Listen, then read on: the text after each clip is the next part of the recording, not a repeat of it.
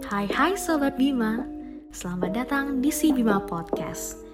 Si Bima Podcast merupakan podcast dari Bima Sabar Tum Group yang melatar belakangi konsultan pertambangan. Si Bima Podcast membahas mengenai isu-isu milenial yang terjadi serta sharing informasi, pengalaman, dan kisah inspiratif dengan narasumber eksklusif yang akan menjawab ingin tahuanmu. Yuk dengerin podcast kita, Si Bima Podcast by Bima Sabar Tum Group. Hai Sobat Bima, balik lagi di Simula Podcast Kali ini kita sedikit berbeda Karena sebelumnya kan kita mengundang narasumber dari luar Bima Sabartum Tapi kali ini kita langsung menghadirkan salah satu tim Bima Sabartum Karena kali ini kita akan mengulik lebih dalam salah satu lini bisnis dari Bima Sabartum Atau cabang bisnis lah istilahnya Itu adalah Bengkel Bin Haji Parijo Jadi kita langsung kenalan sama narasumber kita Halo Kak Desti Halo Pi. Jadi kita bakal membahas ini ya kak, bengkel bin Haji Parijo ini. Iya benar. Nah sebelum itu kita kenalan dulu sama narasumber kita nih. Kak Desvi eh, di Bima Sabartum ini, di dalam tim ini menjabat sebagai apa? Oke, kalau ngomong-ngomong menjabat ya, eh, di sini saya menjabat perta eh sekarang sekarang, Sekarang. itu sebagai prinsipal HRL accounting di Bima Sabartum Group. Tapi berbeda dengan di Bengkel Bin Haji Parijo. Eh, kalau Bengkel Bin Haji Parijo, saya menjabat sebagai acting unit business manager di sana. Oh, itu berbeda kak, walaupun kakak di dalam Bima Sabartum Group, tapi posisinya berbeda. Iya, posisinya berbeda. Tapi tetap dalam background accounting ya, atau Iya. menghitung pemasukan dan pengeluaran dari bisnis Bima Iya Sabartum. benar. Berarti kan kalau misalnya ngomongin tentang accounting, berarti basic kakak atau background kakak itu udah akuntansi ya kak? Iya benar. Kakak bergabung dengan tim Bima Sabartum itu udah berapa lama sih? Eh, kalau dihitung sih dari Januari 2020 mungkin kurang lebih hampir 2 Iya, tahun. satu setengah tahun lebih ya Iya. Kak, ya. Nah, berarti ngomong tentang background nih, kan akuntansi. Sebelumnya kakak menempuh pendidikan kakak itu di mana? Eh, kalau untuk pendidikan saya tuh eh, di salah satu perguruan tinggi Bala Putra Dewa yang pertama tuh saya ambil di LP3I. Hmm. Kalau di LP3I itu D2 Pi. D2 tuh sebagai jurusannya tuh computerized accounting. Itu berbeda ya sama Iya. akuntansi biasa. berbeda kayak lebih mengulik dan emang kita tuh lebih banyak praktek sih dan dan itu yang dibutuhkan untuk saat ini sebenarnya Iya. Ini kan kakak kan bergabung dengan tim itu tahun 2020, sedangkan Bima Sabartum sendiri udah ada dari tahun 2016 ya iya kak ya. benar Nah, perjalanan kakak sebelum kakak akhirnya bekerja di Bima Sabartum, itu di mana sih kak sebelum kakak bekerja di sini? oke kalau misalkan untuk pengalaman saya tuh bekerja tuh eh, mungkin pas kan saya kan SMK tuh SMK akuntansi Iya. ya Eh, sebel setelah ujian dan sebelum menerima ijazah dan tahu lulus itu saya sudah bekerja, iya Iya merasa bangga juga ya Iya. Kak, dengan pencapaian sendiri. benar Nah setelah dari itu kan kakak juga bekerja lagi nih. Iya. Itu kakak bekerja di mana? Eh, setelah dari matahari itu saya tuh bekerja di Honda tepatnya tuh motor motor Honda kalau Vivi tahu Ya, maksudnya kan berarti dari perjalanan kakak sebelum sini kakak sudah banyak lah pengalaman kerjanya. Tadi sebelumnya di Matahari udah tiga tahun, Iya. lalu di PT Pas ini udah berapa tahun kakak bekerja? Eh, kalau di PT Pas ini lebih kurangnya itu dua tahun setengah ya hampir tiga tahunan saya di sana Oh berarti dari sini kakak langsung bekerja di Bima Sabartum atau belum? Eh, pas selesai dari PT Pas itu saya ke BLKI BLKI. iya oh, ada lagi ya itu. iya ada, ada lagi. sebelum Sabartum ada jadi lagi. saya tuh nggak mau apa tuh stop di tempat gitu di. Hmm, jadi saya harus mengembangkan diri dan selalu upgrade gitu itu kakak pelatihan atau bekerja? Eh, kalau di BLKI kemarin tuh saya ikut pelatihan Pelatihan. Eh, eh, pelatihan BLKI kalau Pipi tahu itu kan Balai Latihan Kerja Industri Hmm. itu saya mengikuti administra administrasi perkantoran di sana kurang lebih tiga bulan setelah lulus dari sana setelah selesai mengikuti pelatihan tersebut Baru abis itu kakak bergabung dengan tim Bima Sabartum. iya setelah dari situ saya tuh sempat menjalani dulu loh di apa tuh di kan saya ditawarin tuh sebagai pengajar karena mendapat eh, mendapat gelar iya, itu reward tadi. ya reward tadi saya ditawarin dari pihaknya langsung untuk mengajar peserta baru gitu. Oh ya peserta selanjutnya. Iya, benar. Nah, kakak kan bergabung dengan tim Bima Sabartum sehabis itu. Kakak tahu Bima Sabartum sedang membuka lowongan pekerjaan itu dari siapa? Oh ya, eh, setelah saya berhenti, saya tuh tipikal orang kalau yang kalau berhenti mau berhenti tempat kerja itu ya harus berhenti dulu menyelesaikan di tempat itu. Iya. Jadi nggak mau melamar terus meninggalkan. Tapi sebenarnya masih bekerja. Iya, itu saya berhenti dulu. Eh, Tiba-tiba ada teman saya, teman saya menghubungin saya, mengirimkan flyer dari Bima Sabartum. Eh, kemarin tuh pertama jurus, eh jurusan sebagai posisi admin dan accounting di sini. Iya pertama kali. Karena teman saya tuh punya temen juga di sini. Hmm. Jadi ya sempat ragu sih sebenarnya pas mau ngelamar untuk pertama kali itu apakah saya bisa kayak itu, apakah saya mampu karena kan di sini lebih ke pertambangan kan. Jadi eh, akuntansinya modelnya seperti, Seperti apa, kayak itu. Kayak ragu sih, tapi mm, menekatkan diri lah kayak itu. Menekatkan diri ya kurang lebih dua tiga atau empat hari saya baru apply dan alhamdulillah eh, ditelepon langsung sama direkturnya dari Bima Sabartum Group yaitu Pak, Pak Erik. Erik Wijaya. Itu kan tadi kakak ngomong kalau misalnya background kakak dengan Bima Sabartum berbeda atau kakak lebih ke accounting dan Bima Sabartum ini konsultan pertambangan. Iya. Nah, setelah kakak masuk, apakah kakak banyak usaha untuk menyesuaikan diri? Atau kakak bagaimana cara kakak memantapkan diri bahwa oh saya ternyata bisa loh bekerja di konsultan pertambangan? Iya.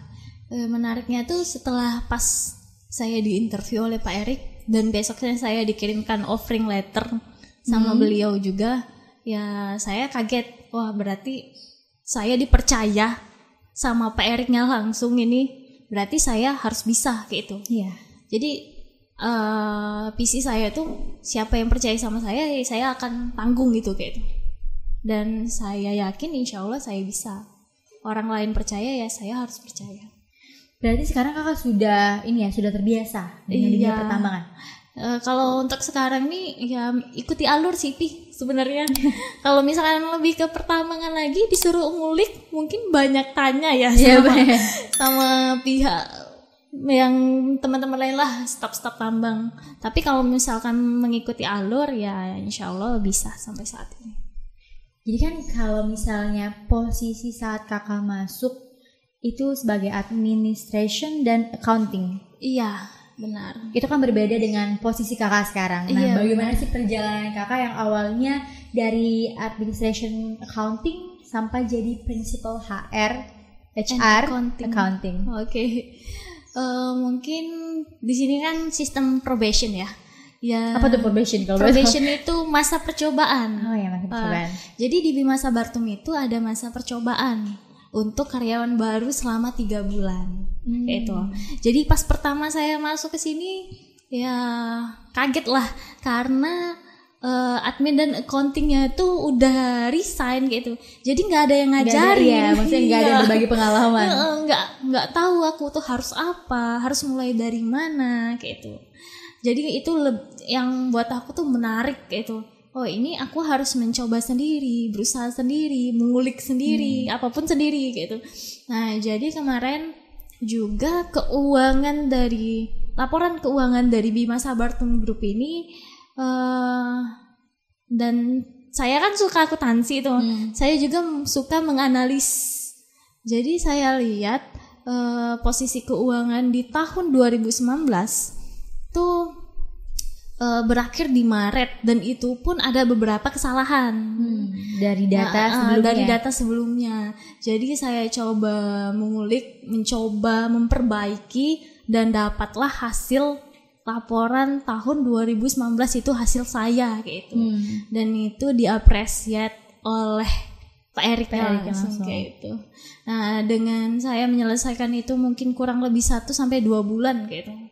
Uh, mencoba hal-hal yang di luar dari dugaan saya sebelumnya. Ternyata saya bisa. Ya Pak Erik juga mungkin ya apa ya impress lah terkesan. Iya terkesan. Mungkin dari situ uh, saya diangkat sebagai pegawai tetap di Bima Sabartum.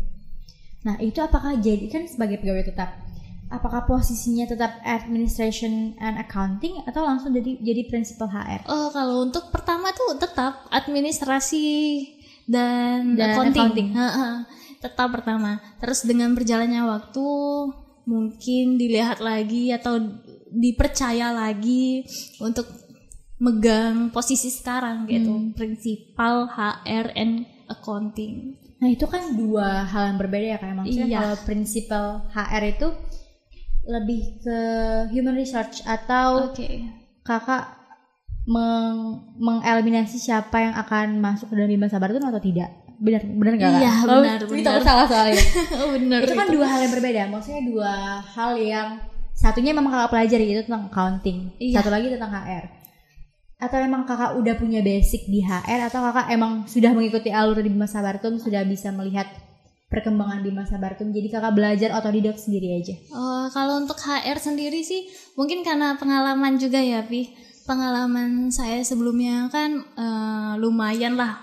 Wah, sebelum dari Bima Sabartum mungkin kurang lebih saya tuh bekerja hampir lima tahunan Iya, lebih kan. tahun. Jadi pas di PT Patria itu juga saya tuh sebagai HR-nya juga Oh, megang sebagai kan kepala administrasi. Jadi keputusan itu lebih tepatnya itu saya yang nentuin gitu. Jadi untuk yang PT pas kemarin tuh eh, kalau misalkan ada yang masuk ya harus asisi dari saya dulu ini layak atau enggak. Dan mungkin dari situ ya terbentuk eh, mungkin kalau untuk terbentuk jauhnya itu mungkin belum karena kan saya eh, nggak ada tuh apa tuh posisi jabatan di sana yang menekuni sebagai HR. HR, iya. Ta- Tetapi saya setidaknya kurang lebih tahu lah. Gitu. Eh, mungkin kita lebih masuk lagi ya kak. Oke. Sekarang kan kakak kan posisinya tuh ada dua di Bima Sabartum Group di kantor ini dan juga di lini unit bisnis tadi. Iya. Nah, berarti kakak juga sekarang dipercaya dong sama Pak Erik langsung Iya, atau memegang jabatan yang berbeda. Iya. Benar. Eh, itu jabatannya, itu kan namanya berbeda kak. Apakah itu backgroundnya tetap sama atau enggak? Eh, kalau background dibilang background tuh kan kita juga tahu ya di apa tuh unit bisnis dari Bima Sabartum yang satu ini kan berbeda dari yang sekarang. Iya, yaitu maksudnya bengkel. bengkel ya, beda dari- iya dari- bengkel mobil kayak itu kan. Ya gimana ya kalau misalkan sama tuh ya tentunya enggak tapi saya punya basic dari PT Patria tadi PT Pas tadi. Memang di- pengalaman, iya, memang pengalaman gak bisa dibohongin ya kak. karena pengalaman tuh memang nggak bisa dibohongin. Kayak emang saya tuh merasa eh, saya tuh mampu gitu. Dengan PR juga menilai bisa ya insya Allah saya jalani. Berarti untuk di lini bisnis satu ini kakak juga menghitung pengeluaran dan pemasukan. Eh, Walaupun- bukan, bukan hanya itu dari strategi bisnisnya Oh iya makanya namanya berbeda ya iya dari strategi bisnis pemasuk dan pengeluaran kayak Hmm. menekan apa pun hal yang nggak penting itu Iya. kayak ya, sebagai bi- manajer eh, menghandle bawahannya itu ya seperti itu Oh, berarti posisinya kakak tuh oh ya manajer ya apa namanya Iya. tadi act acting unit acting business unit- manager unit business di sana manager. Berarti ini kan salah satu cabang dari Bima Sabartum. Mungkin kita lebih masuk lagi nih. Oh, Oke. Sekarang udah sesinya untuk eh, pembahasan bengkel Bin Haji Parjo. Nah kalau misalnya bengkel ini sendiri kak, kan Bima Sabartum dari 2016. Ya, Kalau misalnya bengkel ini sendiri dari tahun berapa? kalau bengkel ini sendiri sih pertama buka itu dari 2017 pi dia buka 2017 dan tutup di 2019 Oh berarti sempat sempat Sempat- vakum. sempat vakum. Iya. Sempat vakum bengkel ini. Eh, pertama tuh kita buka, terus sempat vakum di 2019 dan buka lagi di 2021. oh, baru bukanya berarti tahun ini ya? Iya, tahun ini di bulan April kemarin kita baru Hmm. jalan. Itu kan kakak kan eh, langsung memegang strategi bisnis. Oke, pertama itu mungkin saya karena bagian accountingnya ya, Iya. bagian keuangan di Bima Sabartum Group. Ya, saya melihat alur kayak itu. Pertama saya melihat alur berapa penghabisan untuk di bengkel itu dengan membukanya kembali gitu kan. Eh, ternyata ya mungkin Pak Erik juga melihat ke arah situ dan saya sekarang dipercaya sebagai posisi jabatan tersebut. Terus Kak Desti kan Vivi sempat baca juga nih Ya. eh, sebelum podcast ini kan ada yang materi-materi gitu ya teman-teman. Oh, Oke. Jadi Vivi sempat baca kalau misalnya konsep dari bengkel Bin Haji Parijo ini itu adalah fantastic one stop surfing. Oke, Nah ya. itu apa tuh artinya kak? Itu moto yang menurut saya itu sangat menarik ya. Iya keren, maksudnya Oh. soundnya tuh kayak Fantastic Four gitu. Oh ya, fantastic one, One stop, stop surfing. surfing. Eh, ya, moto kita tuh diambil karena bi- dari Bima Sabartum Group itu sendiri menerapkan atau harus selalu memberikan manfaat gitu. Hmm. Manfaat kepada semua. Ter kalau misalkan untuk bengkel Bin Haji Parijo ini sendiri, ya manfaatnya untuk terutama untuk konsumen Iya customer kayak pelanggan. custo- customer pelanggan kayak itu Eh, dengan memberikan manfaat kepada sekitar lingkungan juga Hmm. kayak itu Eh, ya karena bukan hanya apa ya intinya si Bima Sabartum Group ini terutama bengkel bin Haji Parijo ini harus memberikan manfaat untuk semua kayak itu Eh, baik konsumen maupun sekitar Eh, ini kan kak one stop surfing. Kalau misalnya tadi dari cerita kakak, kalau misalnya bengkel bin Haji, Haji Parijo ini sempat vakum untuk beberapa saat. iya Apakah emang sebelumnya dengan moto yang sama ataukah emang ada new konsep lah dari tim Bima Sabartum untuk membangun ulang atau mendiri- mendirikan kembali bengkel bin Haji Parijo ini? Oke, kalau misalkan untuk pertama kali itu fantastic one stop shopping. Oh shopping. Iya, jadi kayak- kayak kita tuh agak sih diralat shopping ke surfing. Karena kan dulu tuh juga hanya dua ya mungkin ya. Body repair sama mekanik mesin tuh auto service. Dan sekarang kita tuh bukan hanya dua itu bukan hanya body repair dan bukan hanya juga auto service tapi sekarang kita juga menambahkan car wash di sana. Jadi makanya kita rubah menjadi fantastic one stop serving jadi kan dalam eh pelayanan dalam satu atap kayak itu kan menarik Eh, dan konsumen tuh kan dengan memberikan manfaat konsumen nggak perlu repot-repot. Kalau misalkan ada kerusakan ya bawa aja ke bengkel bin Haji Parijo gitu. Menyediakan langsung tiga layanan gitu kan. Eh, kalau misalkan rusak langsung bisa. Eh kalau misalkan mobilnya juga kotor bisa langsung dicuci. Eh kalau misalkan mobilnya juga mau dipercantik bisa langsung ke body repairnya. Body repair. iya. Berarti ada mesin service, ada body repair, ada car, car wash, car wash ya terus ada spare part kalau Iya, misalnya dibaca. spare part juga Terus katanya juga di bengkel Bin Haji Parijo ini juga masuk ke dunia kulineri. Ya, itu plan kita di 2021 ya, Pi. Eh, tapi sekarang ini kita baru menjalankan kuliner dari bengkel itu sendiri. Eh, kalau untuk plannya tuh sih kita tuh mau bekerja sama sama lingkungan, sama masyarakat sekitar. Kayak seperti buka booth kayak itu, makanan, minuman, pulsa atau lain-lainnya kayak itu. Sehingga si bengkel ini nih memberikan memang memberikan manfaat untuk sekitar kayak itu dengan menjadikan bengkel bin Haji Parijo ini sebagai bisnis center di Lampung Tengah itu. Oh, bisnis itu Tengah. ya itu, Itu bisnis plan ya. Soalnya kita juga baca kalau misalnya nanti selain kulineri juga ada kids playground ya kak. Makanya Iya. itu akan membuat eh, bengkel Bin Haji Parijo ini sebagai pusat bisnis iya bisnis center. Eh, kayak ya kan sudah ada makanan tuh kalau misalkan nanti. Dan sudah lengkap juga kan pelayanan dari car wash, body repair sama auto service dan kulinernya juga ada nantinya dan akan diadakan juga untuk plan ke depan mungkin eh, tempat bermain anak-anak ya jadi bengkel bin Haji Parijo ini dibuat senyaman mungkin kayak itu konsepnya jadi biar konsumen itu menanamkan wah kita harus ke bengkel aja. Iya. Kalau misalkan mau ngajak istri bisa makan. Kalau misalkan mau ngajak anak bisa bermain kayak gitu. Terus kan kak eh, bengkel bin Haji Parijo ini bukan berdekatan dengan kantor Bima Sabartum. Iya, kan kalau kantor Bima Sabartum kan di Palembang ya. Iya. Kalau misalnya bengkel ini sendiri di Lampung Tengah. Apakah yang bekerja untuk bengkel bin Haji Parijo ini juga tim Bima Sabartum yang sama atau enggak?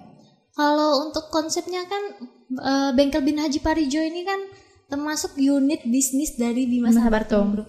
Jadi eh, seluruh karyawan dari mana pun itu ya tetap Tetap karyawan Bima Sabartum. Sabartum. Oh, berarti tetap eh, bengkel bin Haji Parijo ini yang bekerja dengan staff-staff dan tim dari Bima juga Iya, ya?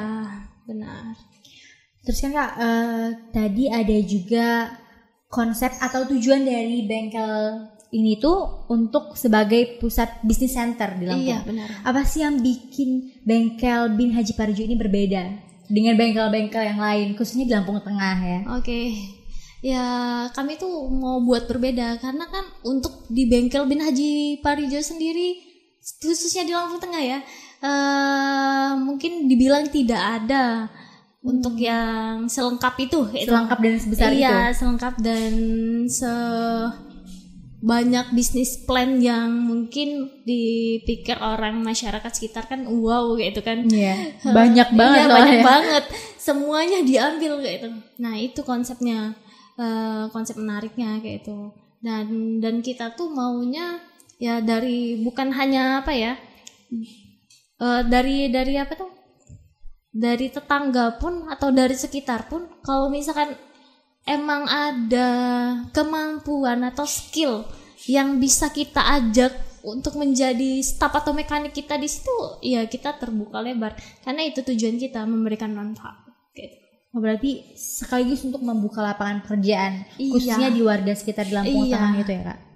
Terus kan Vivi juga baca nih kak kalau misalnya perbedaan bengkel bin Haji Parijo dengan bengkel lain itu ada empat.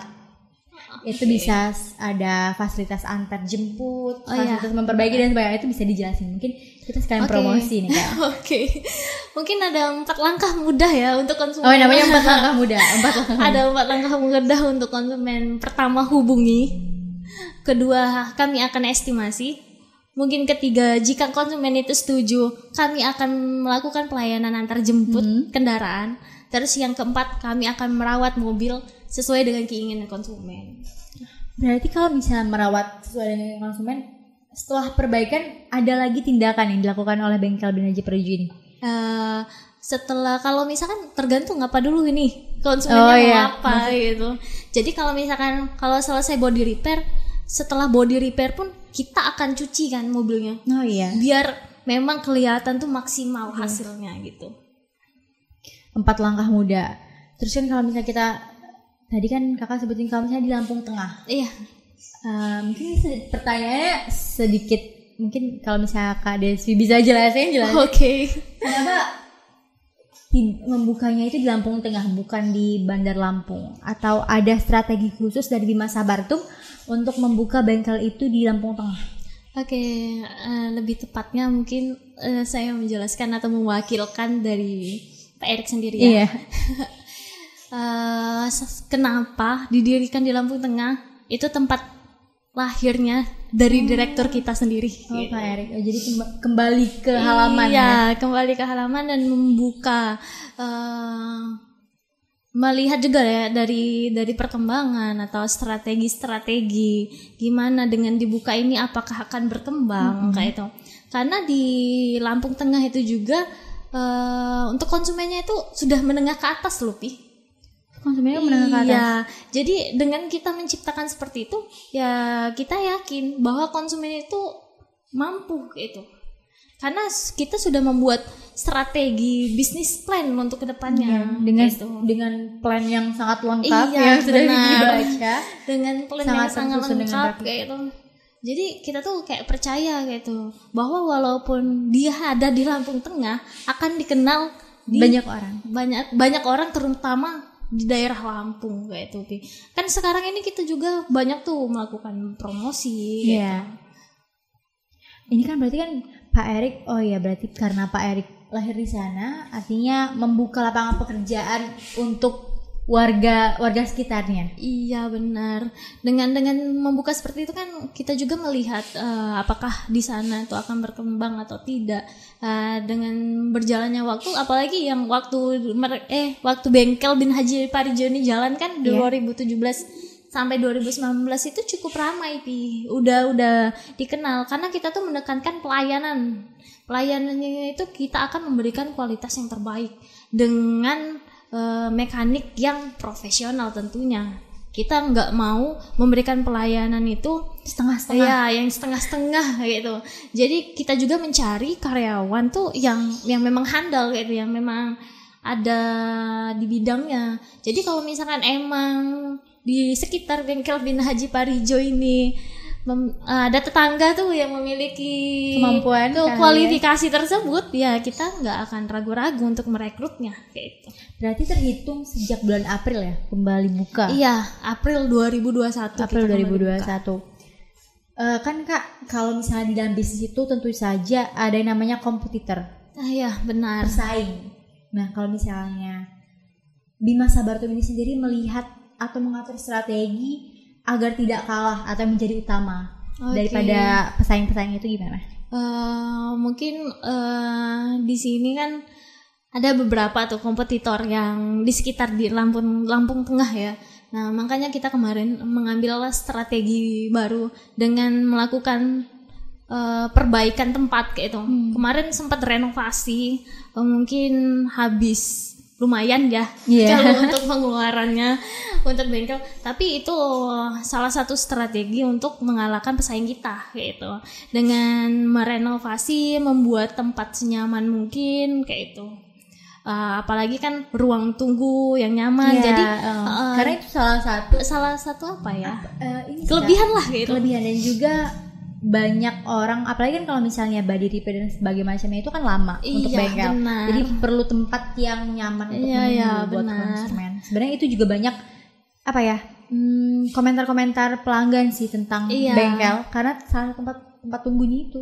Iya, dan menariknya tuh dengan kita konsep ruang tunggu yang bu- dibuat senyaman mungkin, sudah juga direnovasi dari tanah, sudah kita semen kayak itu. Oh, banyak ya berarti Iya. renovasinya lumayan Banyak renovasinya tuh kalau kalau dari segi accounting tuh wah ini pengeluaran udah pusing berarti kalian sih sempat pusing dong waktu. Aduh banyak banget ini input output. Eh, input Iya. output ya kalau Enggak, belum ada loh input. Baru output baru kemarin. output.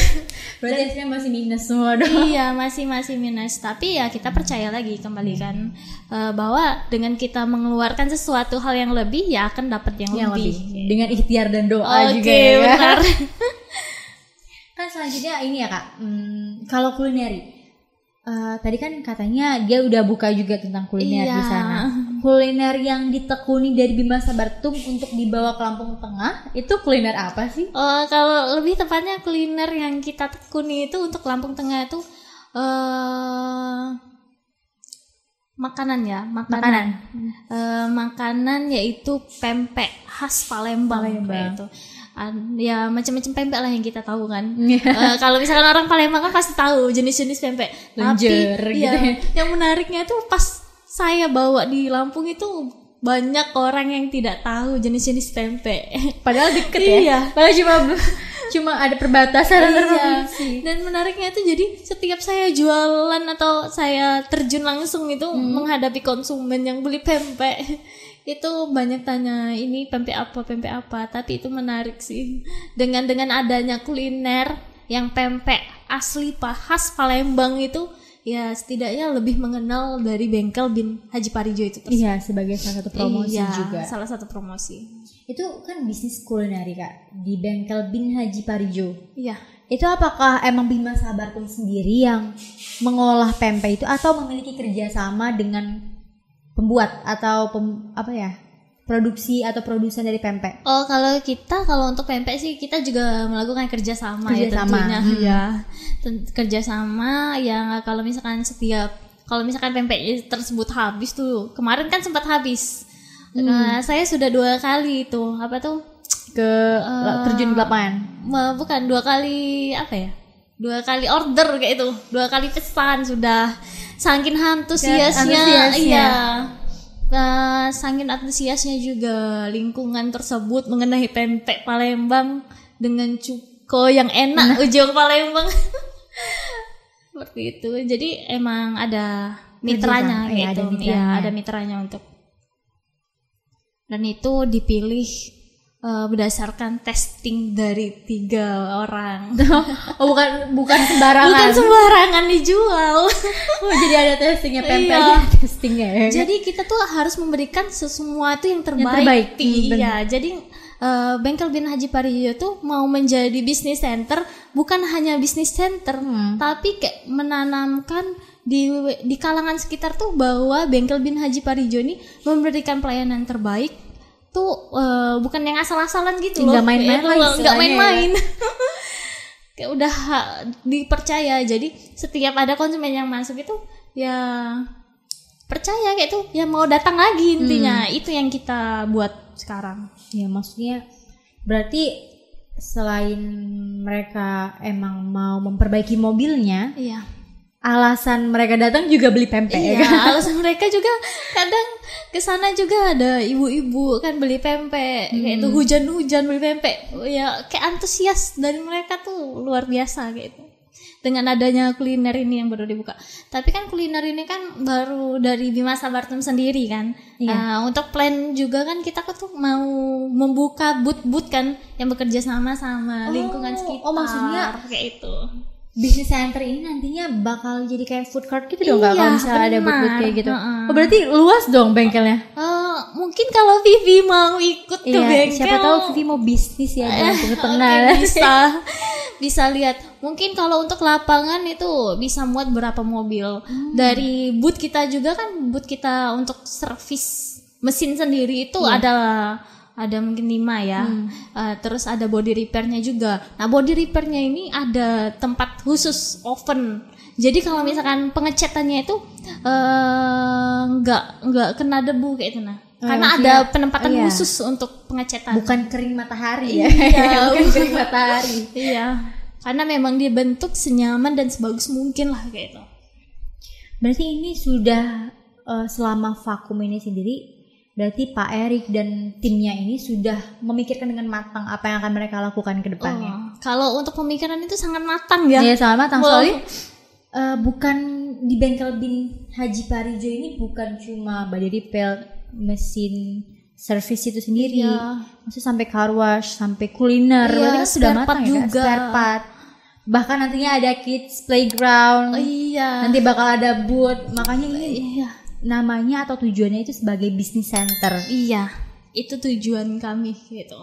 Dengan menang, men- dengan mengenalkan bengkel Bina Haji Parijo ini eh, bukan hanya dikenal di Lampung Tengah, tetapi sebagian masyarakat Lampung. Eh, karena eh, sejauh ini sih banyak sih pi udah dari kota bumi udah masuk servis ke kita kayak itu ya menarik gitu dari jauh-jauh bukan hanya dari Lampung Tengah kayak gitu. Dan kita melayani antar jemput kendaraan tersebut Oh iya, empat.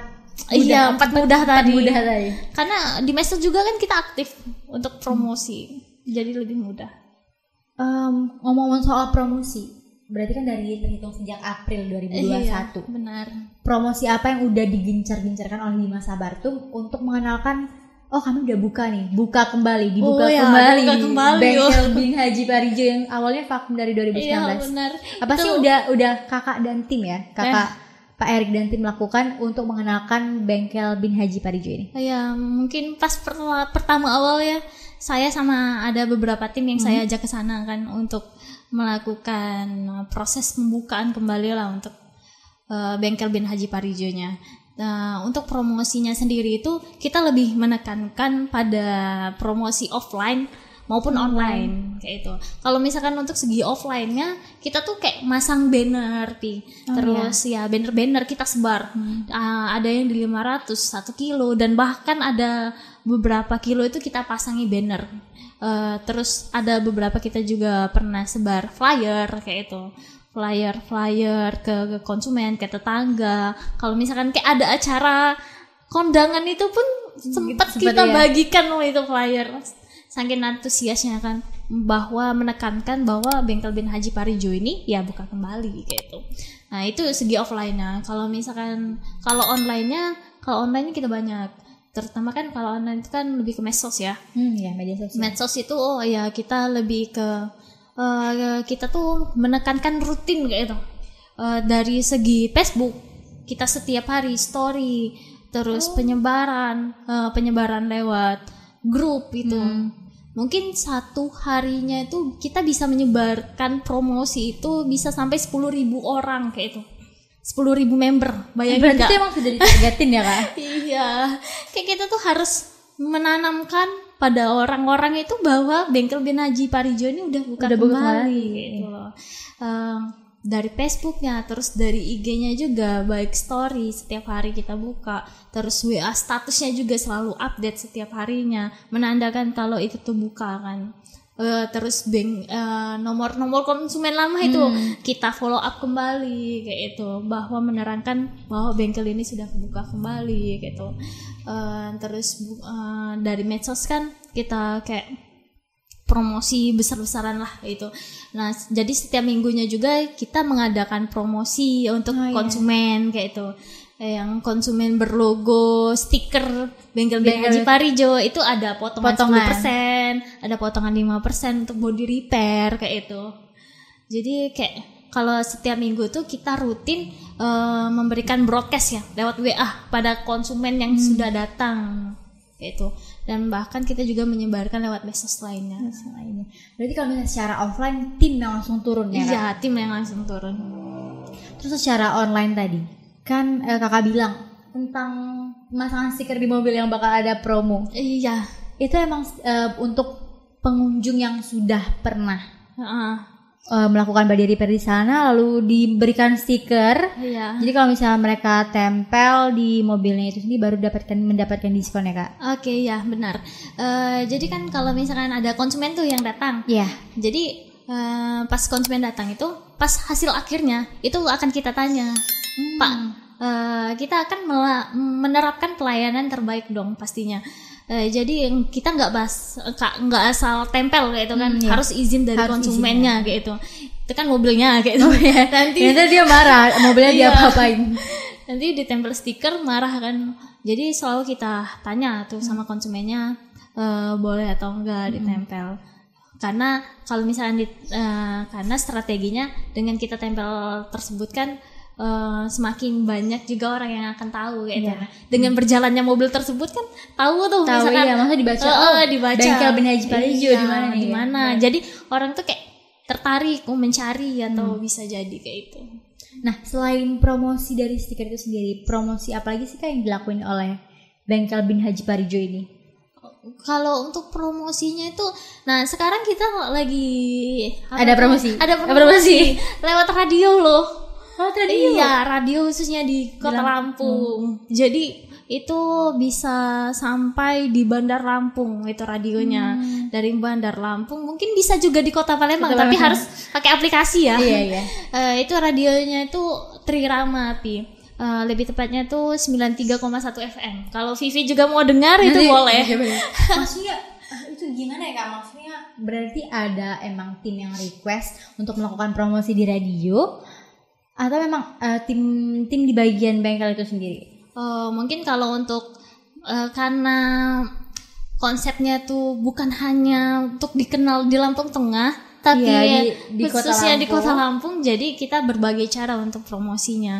Dan kalau misalkan emang mau dengar atau terdengar itu biasanya eh, iklan di radio untuk bengkel bin Haji Parijo itu sendiri ada pagi, sore sama malam Pi. Hmm. Ada jam-jamnya. Jadi kalau misalnya Mi- Pipi mau dengar itu ada jam dari jam jamnya. 6 pagi itu sampai jam setengah 7 pagi. Terus ada sore jam 3 sore sampai jam setengah 6 sore. Terus ada malam jam 9 malam sampai jam 12 malam. Itu kalau- kalau misalnya mau mendengarkan Iya, iklannya. ya. kalau mau mendengarkan iklannya dari Bengkel Bin Haji Parijo itu. Eh, nah kak, selain kan tadi promosinya lewat radio, Iya. ada nggak sih promosi lain yang dilakukan oleh Mas Sabatum agar bengkel bin Haji Parijo nih lebih dikenal lagi di kalangan masyarakat? Iya, gimana ya? eh, kalau misalkan untuk promosinya itu kan tadi sudah saya jelaskan juga kan. Iya. Kita tuh setiap minggu eh, mengadakan broadcast lewat WA gitu. Jadi kita tuh memanfaatkan nomor HP konsumen yang sudah diberikan ke kita. Jadi kita broadcast semua konsumen itu dengan mempromosikan bengkel Bina Haji Parijo itu sendiri.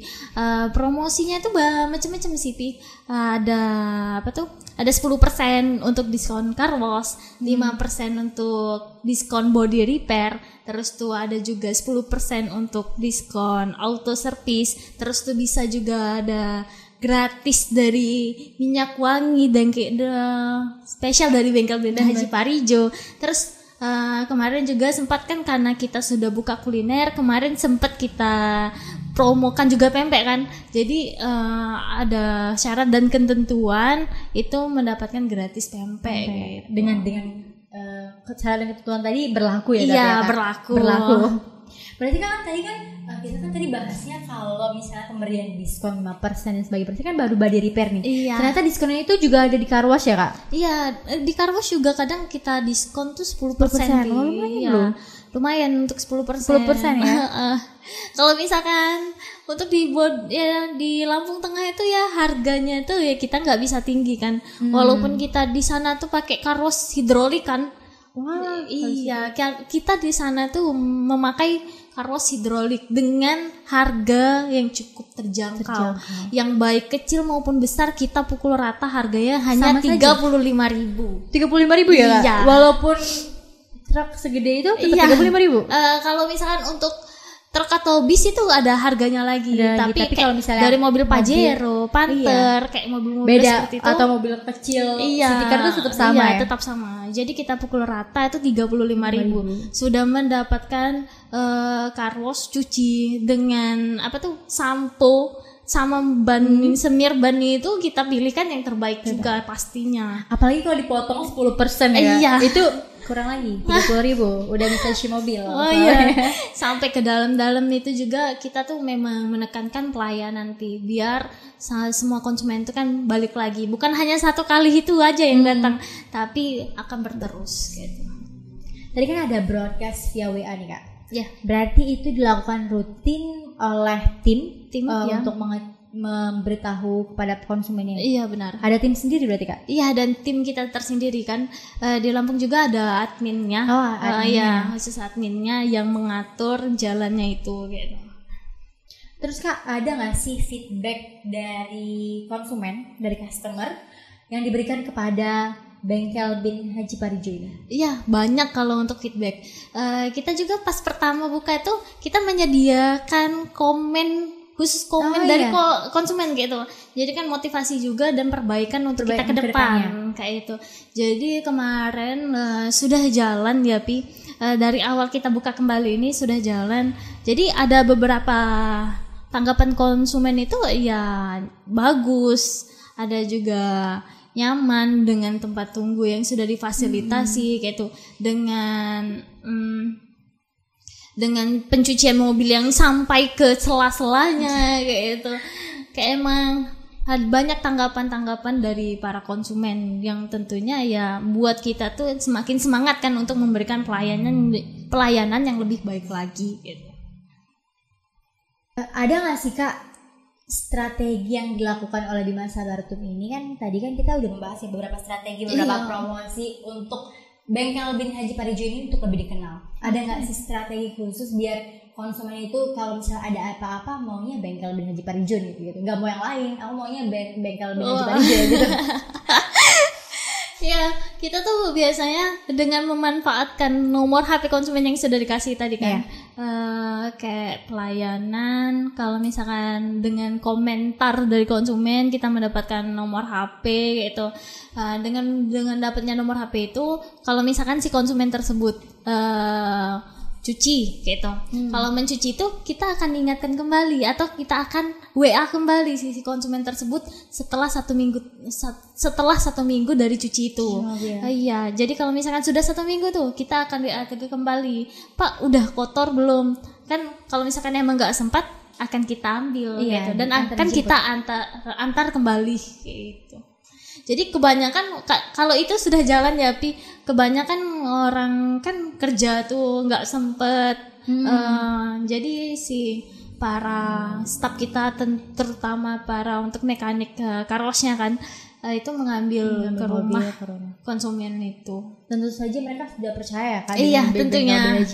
Uh, dengan dengan gambaran seperti itu aja kan berarti uh, dengan menyerahkan mobilnya iya, itu berarti konsumen sangat iya percaya sangat dengan percaya Bengkel dong dengan bengkel bin Haji Parijo berarti yang itu yang kita tekankan gitu.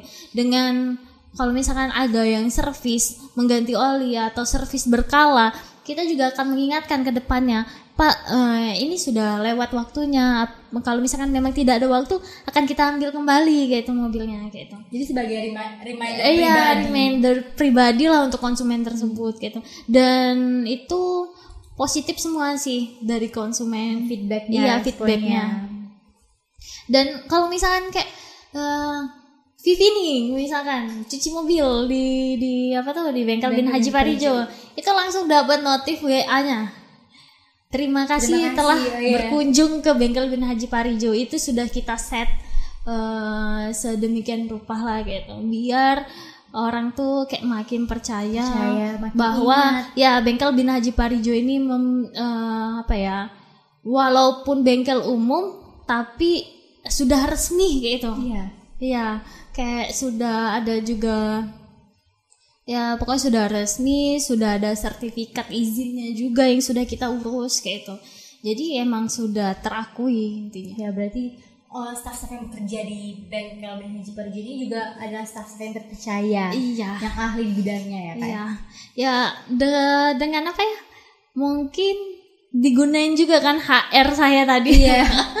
Pengalaman kerja Iya. dia kayak. Jadi eh, ya sebelum direkrut juga kan kita melewati berapa sesi interview, sesi ya lebih ke pribadi sih sebenarnya. Dengan dengan melihat itu ya kita juga percaya kan, tapi tidak semudah itu mempercayainya. Berarti Ada emang beberapa nggak main-main lah ya kayak Iya. bengkel Ben Haji Parijo ini. Iya. Banyak strategi yang kita terapkan di sana gitu.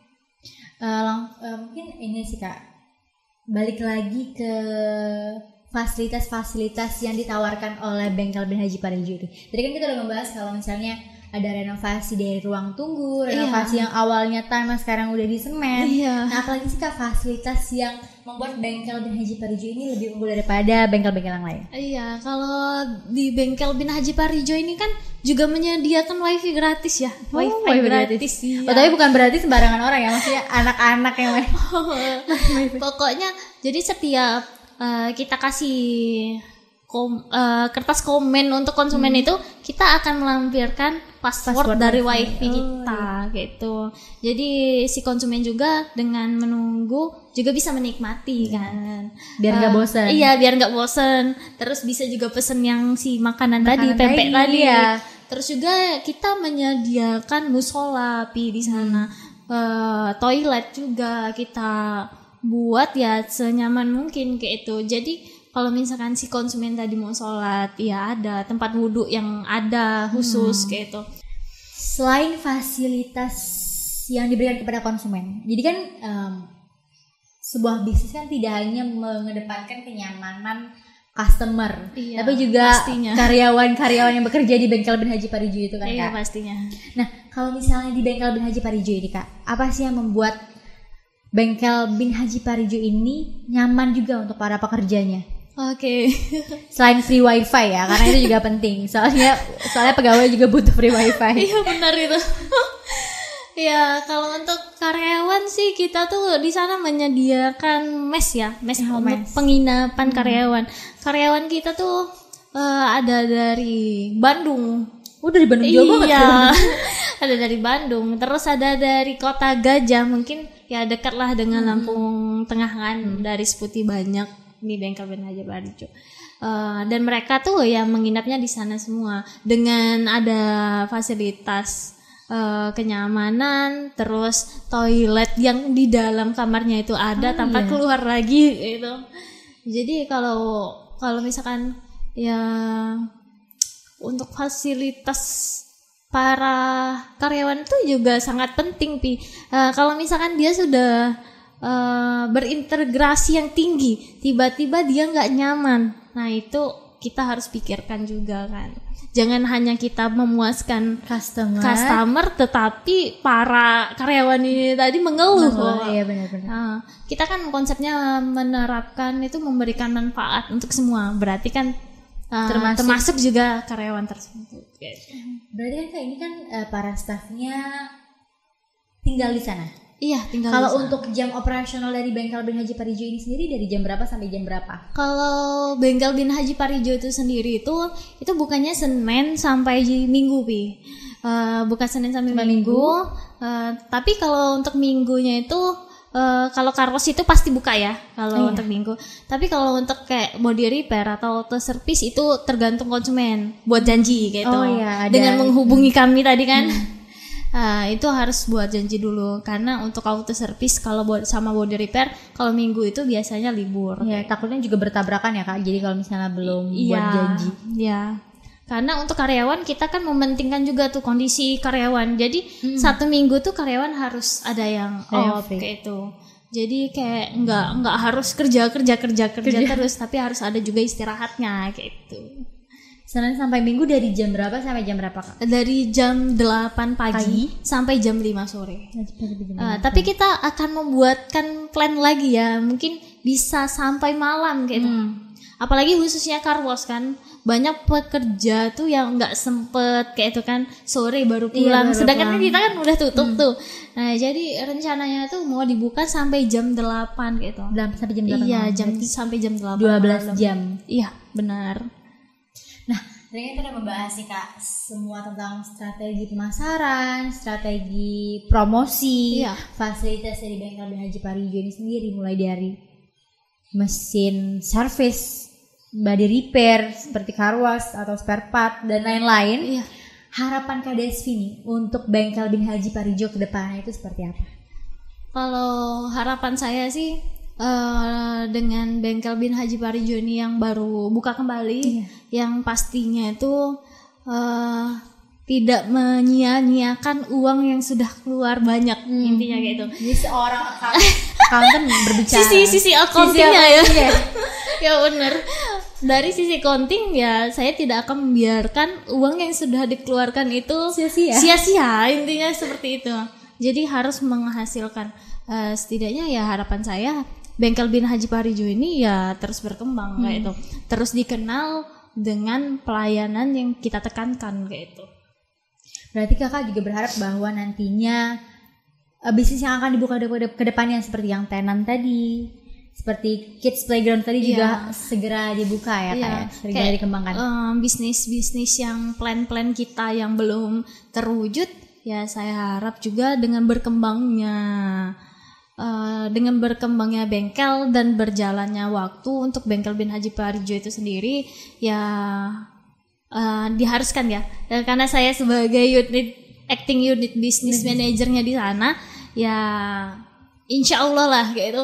Insya Allah saya akan mengembangkan bisnis-bisnis plan yang belum terlaksana. Tadi yang dari segi bengkel bin Haji Parijo yang salah satu lini unit bisnis dari Bima Sabartum Group. Iya, benar. Untuk harapan kakak untuk Bima Sabartum Group untuk tim juga ataupun Bima Sabartum secara keseluruhan harapan kakak ke depannya seperti apa? Oke. Termasuk untuk tim-timnya ya kak, Iya. tim kakak dan tim Pak Erik juga. Oke, benar. Kalau untuk Bima Sabartum eh, tim dan untuk Bima Sabartum sendiri ya.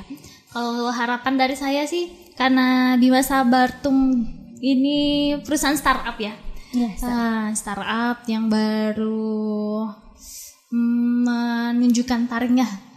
Eh, saya harap ya dapat berkembang maju kayak itu. Dengan diadakan podcast terus ada juga sih yang Bima series training terus pelatihan-pelatihan dan sebagainya. ya. ya seminar. Ya saya harap untuk Bima Sabartum ini ya cepat berkembang dan tumbuh kayak itu kan.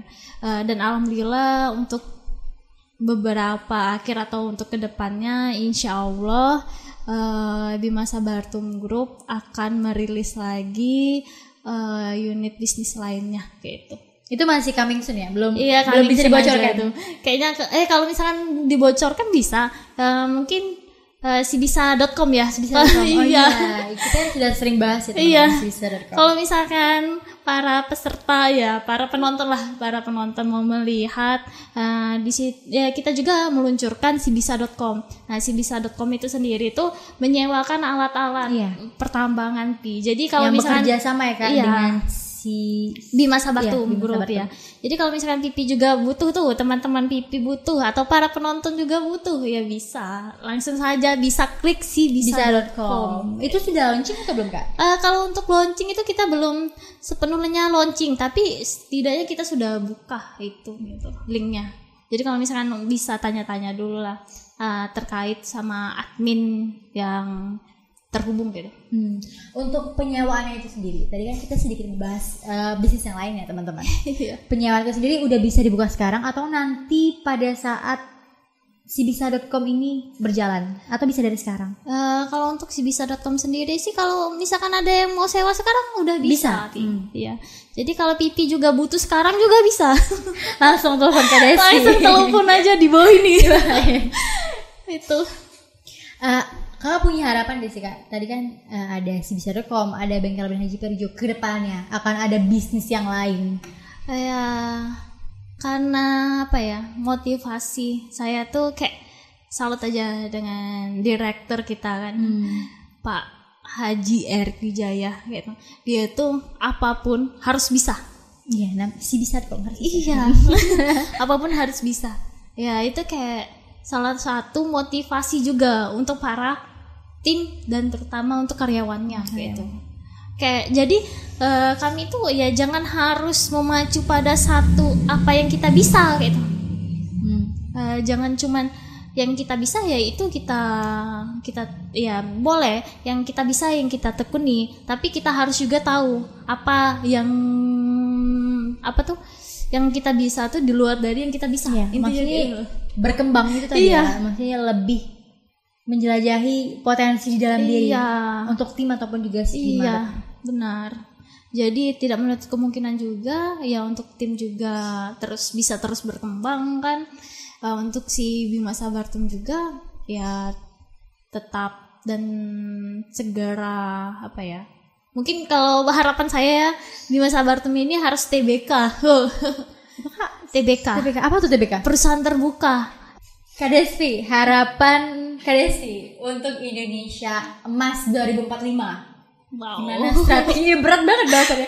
Strategi kita untuk melawan Bukan melawan sih, apa ya? Menyaingi kom, meng- Persaingan dengan negara-negara lain. Biar Indonesia tuh gak ketinggalan gitu loh.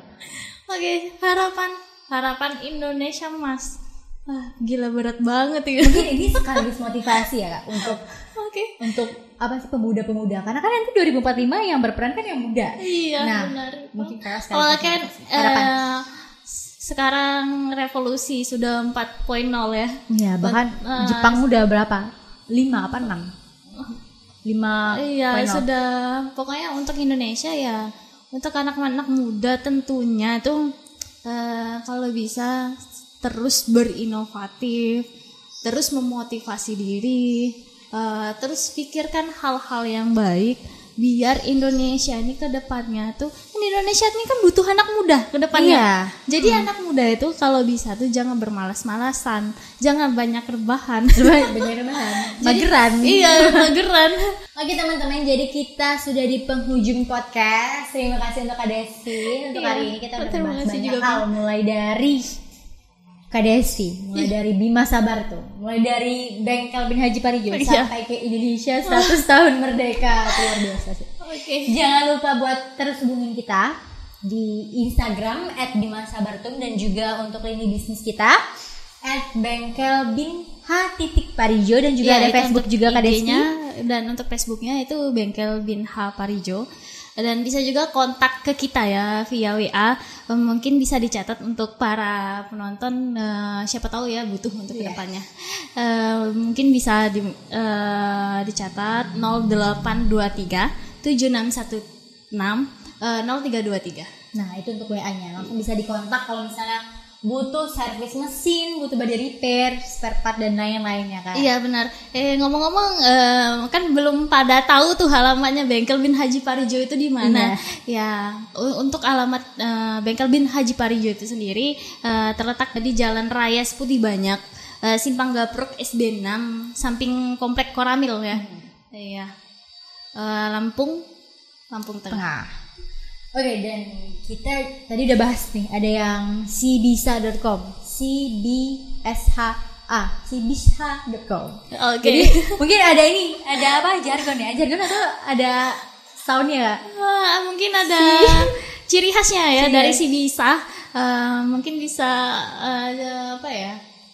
Jadi suatu pengingat lah buat Iya, buat temen-temen. buat semua buat temen-temen lah. Eh, mungkin bisa dicoba.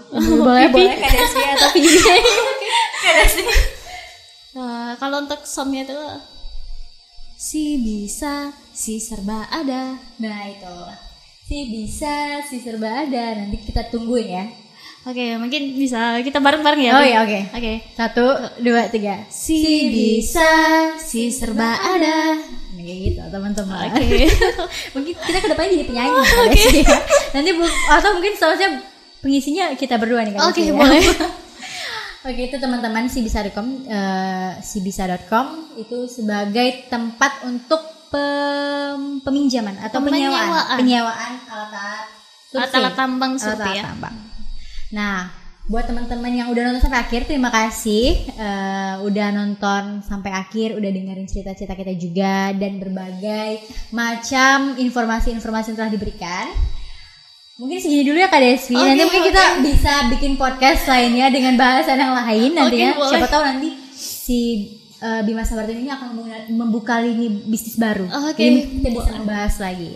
Oke, terima kasih teman-teman. Jangan lupa untuk like, comment, dan subscribe. Dan kita juga tersedia di Instagram @bimasabartum dan juga ada di Spotify si Bima Podcast. Jangan lupa untuk subscribe juga. Terima kasih.